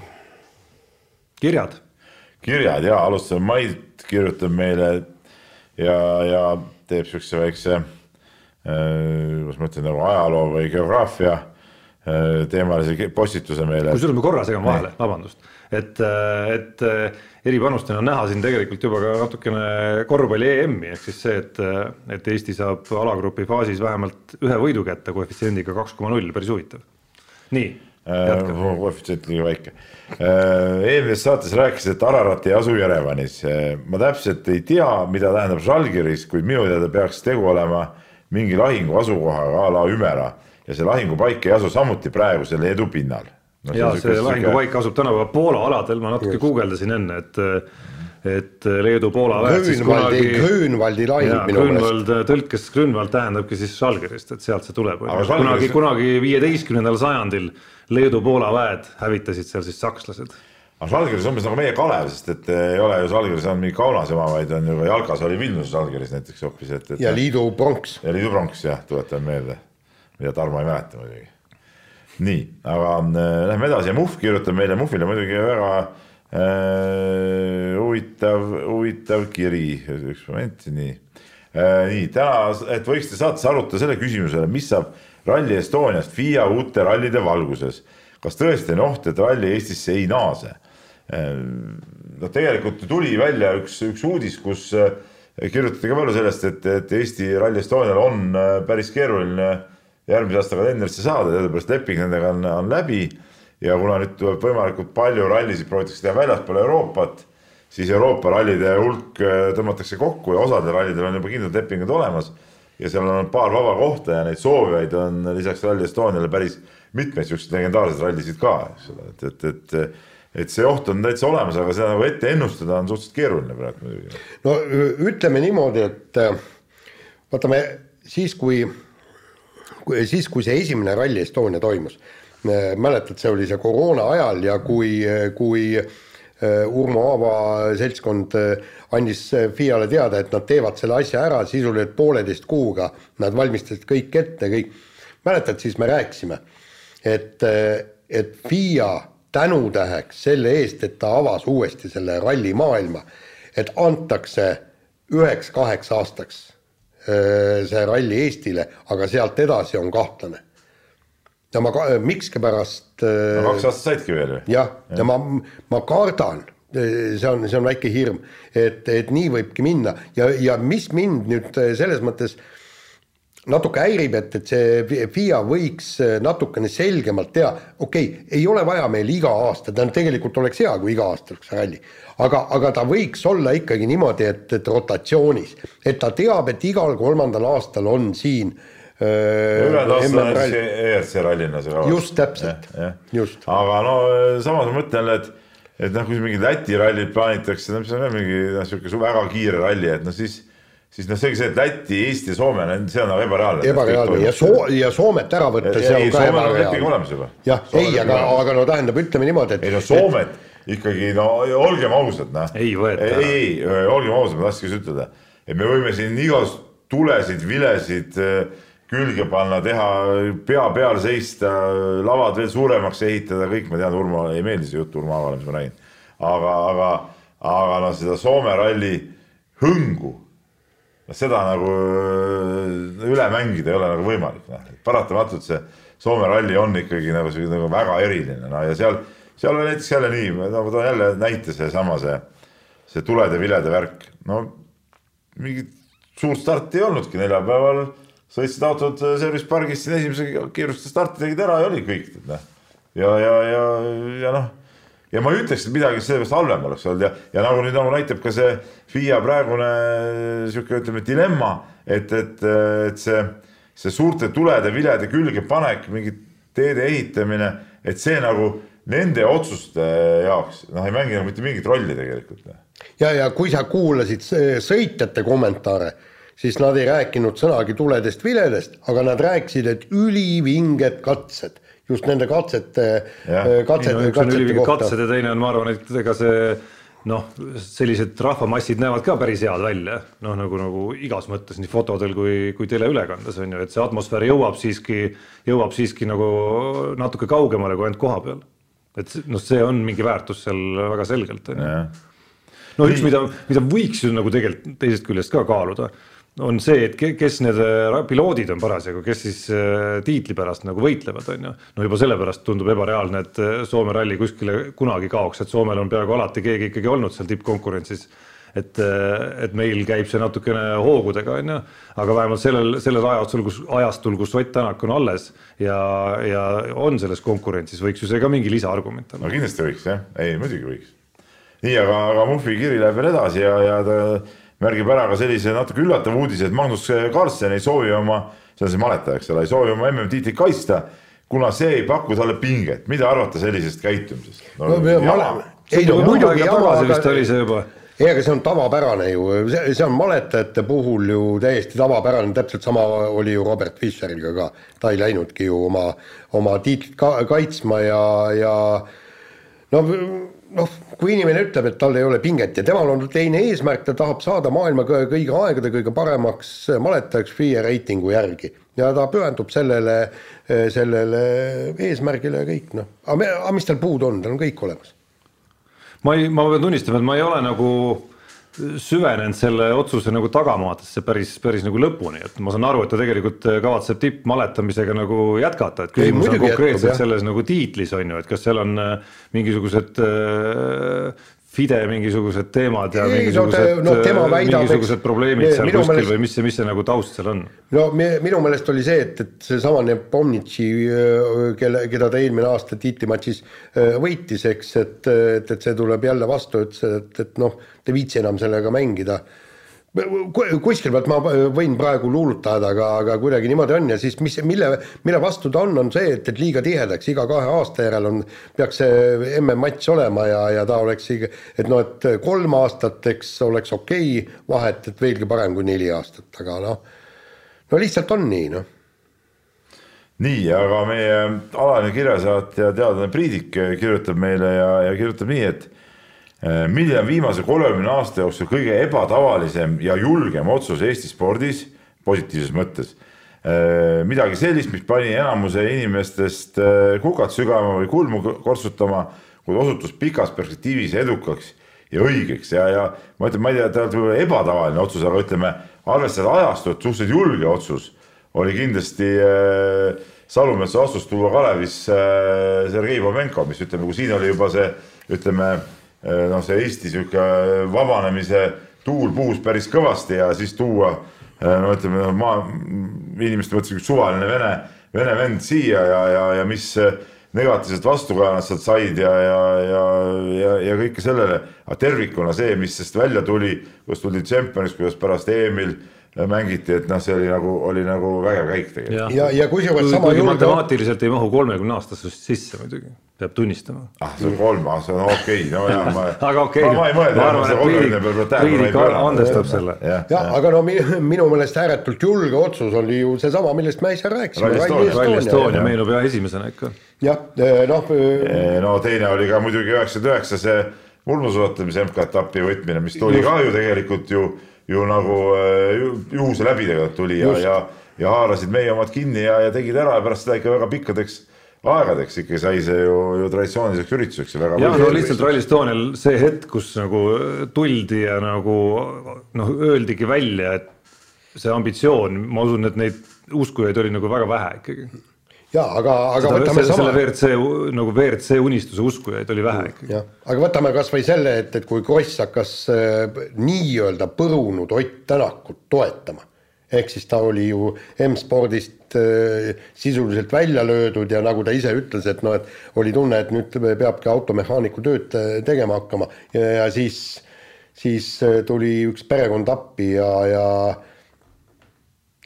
aitas tal jätkata ja tulemus on, palun, olemas, maailmameistritiitel jah, noh, kui nagu persoonide juurde minna, siis eh, individuaalses plaanis eh, Margus Hundi otsus eh, USA-s, USA-s vahetada ala, et me võime siin nutta küll kadunud kettaheitjad taga ja kuulitõukajad ka, aga, aga praktikas tegi, tegi mees ikkagi Eesti spordi kohta pretsedenditu karjääri. no finantsiliselt oli see talle kindlasti kasulikum. no viisteist miljonit ja. umbes, mis ta on teeninud, on ikka viisteist miljonit jah, või siis, äh, mis mul veel meenus, mõeldes nagu meie suurtele spordistaaridele, kes meil on, kes meil on siin olnud, et äh, tõsi, see ei pannud nüüd kedagi vist nagu kukalt kratsima või imestama, aga ütleme, Erki Noole otsus äh, Greg Richardsiga koostööd alustada ja, ja Daley Thompsoniga seal taustal ka natukene oli siiski see, mis aitas ta nii-öelda üle, üle nii-öelda selle viimase küüru ikkagi.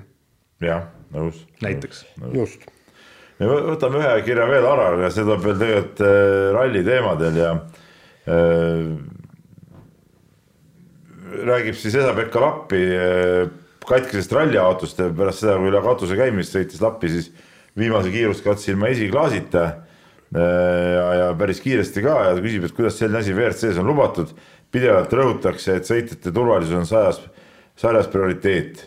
Äh, mäletatavasti lendas tal ju see kivi sinna aknasse mingi eelmine päev, eks ole, et kui samasugune kivi oleks punkti katsel ilma esiklaasita auto poole lennanud, siis ei, ei taha mõeldagi, millised tagajärjed sellel võinuks olla. No Lappi ju ise ka on seda öelnud, aga noh, tähendab, ütleme niimoodi, et, et me mingil määral ta on kaitstud, kuigi noh.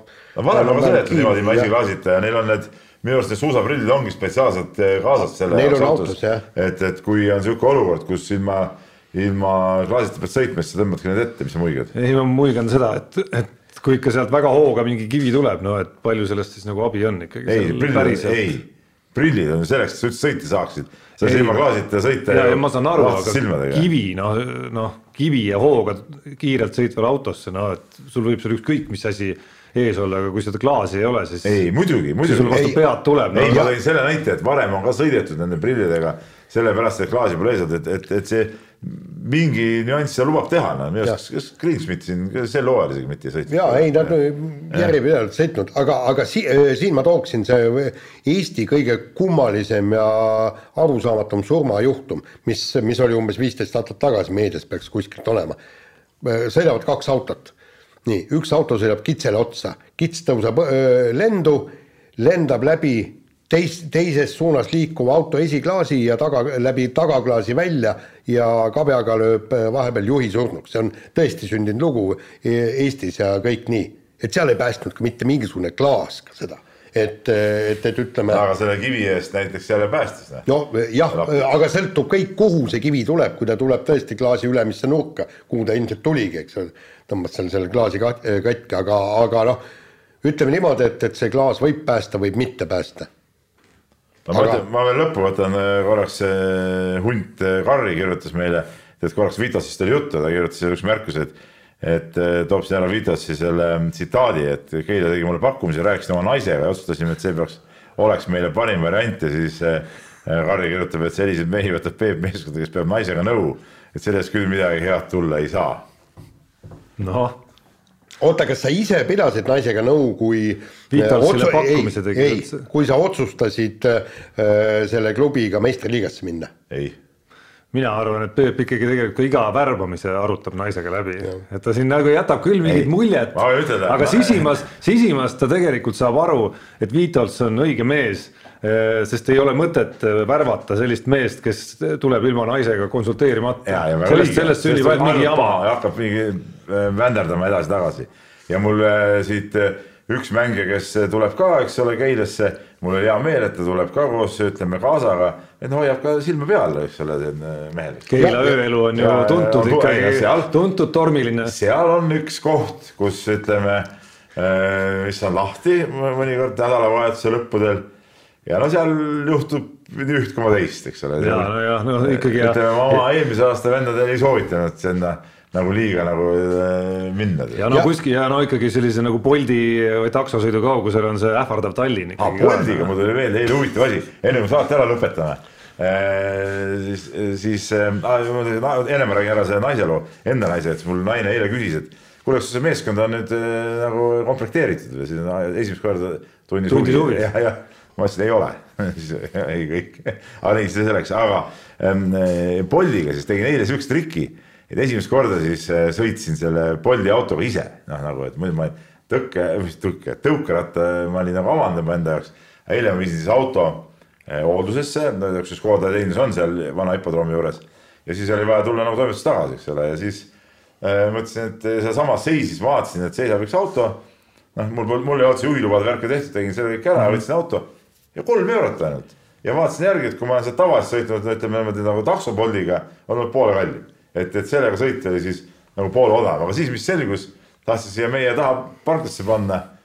ei ole ette nähtud. ei, ei olnudki ette nähtud, aga õnneks algas see nii-öelda lubatud parkimise tsoon, kui sealt meie juurest välja minna, sinna ETV poole pöörata, siis sinna tee äärde kohe sai panna, nii et, et, et noh, midagi hullu ei olnud ja aega väga ei kaotanud ja päris kiiresti jõudsin kohale ka, vaat ma ei pidanud ootama mingit autot, põmm sisse ja kohe tuld ja pärast õhtu läksin siit autole järgi samamoodi, aga siis mul oli vägevam auto. kui ma tulin, siis mul oli, oota, mis mul siis oli, oli natuke väiksem masin igatahes, aga kui ma nüüd tagasi läksin, siis oli see Toyota, Toyota see linnamaastur, eks ole.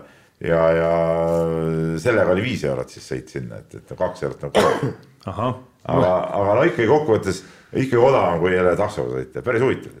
ja mul alles hiljuti oli sarnane kogemus, kuna mul, ma ei tea veel täpselt, kas sügisel, talvel, järgmisel kevadel millalgi seisab auto vahetuse ees, siis ma kasutasin seda võimalust hiljuti vaatasin, et Peetris kooli juures on see parkla, kus nüüd seisab vahel, vaatasin, et üks potentsiaalne kandidaat automargi mõttes seisis seal ja siis läksin, tegin just proovisõidu lihtsalt kuue euro eest. Noh, ei. sõitsin Tartu maanteelt välja ja siis vana Tartu maanteelt tagasi, täpselt. Nii. kuigi ma olen näinud seal ka autot, mille hind, mille kasutamise hind oli mingi nagu ütleme viis korda rohkem kui see tavaline, mingi Audi, mille marki ma ei mäleta ah,, mingi okay mingi hüper-super linnamaastur, mis Mina... ilmselt on kuskilt saja tuhandesest hinnaklassist uuena. ma muidugi arvasin, et need on kõik ühe hinnaga, et ma ei tulnud selle pealegi, pärast ma sain aru, et kui ma olin suurema autoga nagu tagasi sõitnud, et see sellepärast nagu kallim, et teie oli täpselt sama, nii. nii ja, ja aga nüüd siis tähendab, et, et Boltilt palve, eks, et noh, et, et siis ei, Boltist, jah, jah, reklaami, reklaami eest kandke raha üle ei, või siis tulge ja. meie, meie saate sponsoriks ja Keila ja Keila ja Keila klubi sponsoriks ka ikkagi. õigest otsast pihta ja muuseas võiksite selle ka, mul eelmine aasta ameeriklane sõitis, kas ta nüüd oli Bolti või selle teise autoga et mingi aeg sai veel Keilasse tuua ja jätta autot Keilasse ja Keilast võtta Tallinnasse. aga siis mingi aeg ei saanud, vend tuli autoga Keilasse, siia parkida ei saa, sõitis autoga Tallinnast tagasi rongiga kuule, aga muide. see on debiilsus noh. jah, kuule, aga, aga meeskonna nimi Keila Bolt. Keila Bolt. ei oleks, ei oleks üldse paha. ma nüüd ootan, millal nad ühendust võtavad. jah, sest kui ei võta, siis võtab City B, ma arvan. Mis oleks ja. ka täitsa tore nimi Keila, Keila, Keila klubile. ma arvan küll jah, jaa, miks ka mitte kujutan seda fännide skandeerimist ette juba. CTB, väga hästi, poolt, poolt, ei, kõlab hästi. üleüldse ma ootan kõiki firmasid Keilat sponsoreerima, nii et, et äh, telefon on peale saate lõppu avatud. nii, aga sellega on saade läbi. mehed ei nuta. saate tõi sinuni Unibet, mängijatelt mängijatele